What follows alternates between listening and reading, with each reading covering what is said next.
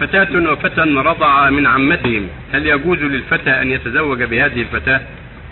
إذا اجتمع فتى وفتاة في الرضاع من امرأة من أي امرأة كانت؟ صار أخوين سواء كانت عمتهم أو صارت من ابنة عمهم أو بعيدة منهم.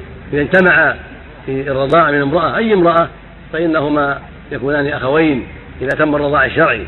إذا كان خمس خمس رضاعات فأكثر في الحولين فإنهما يكونان أخوين وإن كانت المرضعة أجنبية منهما بكلية. يكونان أخوين ليس له ينكحها لأنها صارت أخته بالرضاع.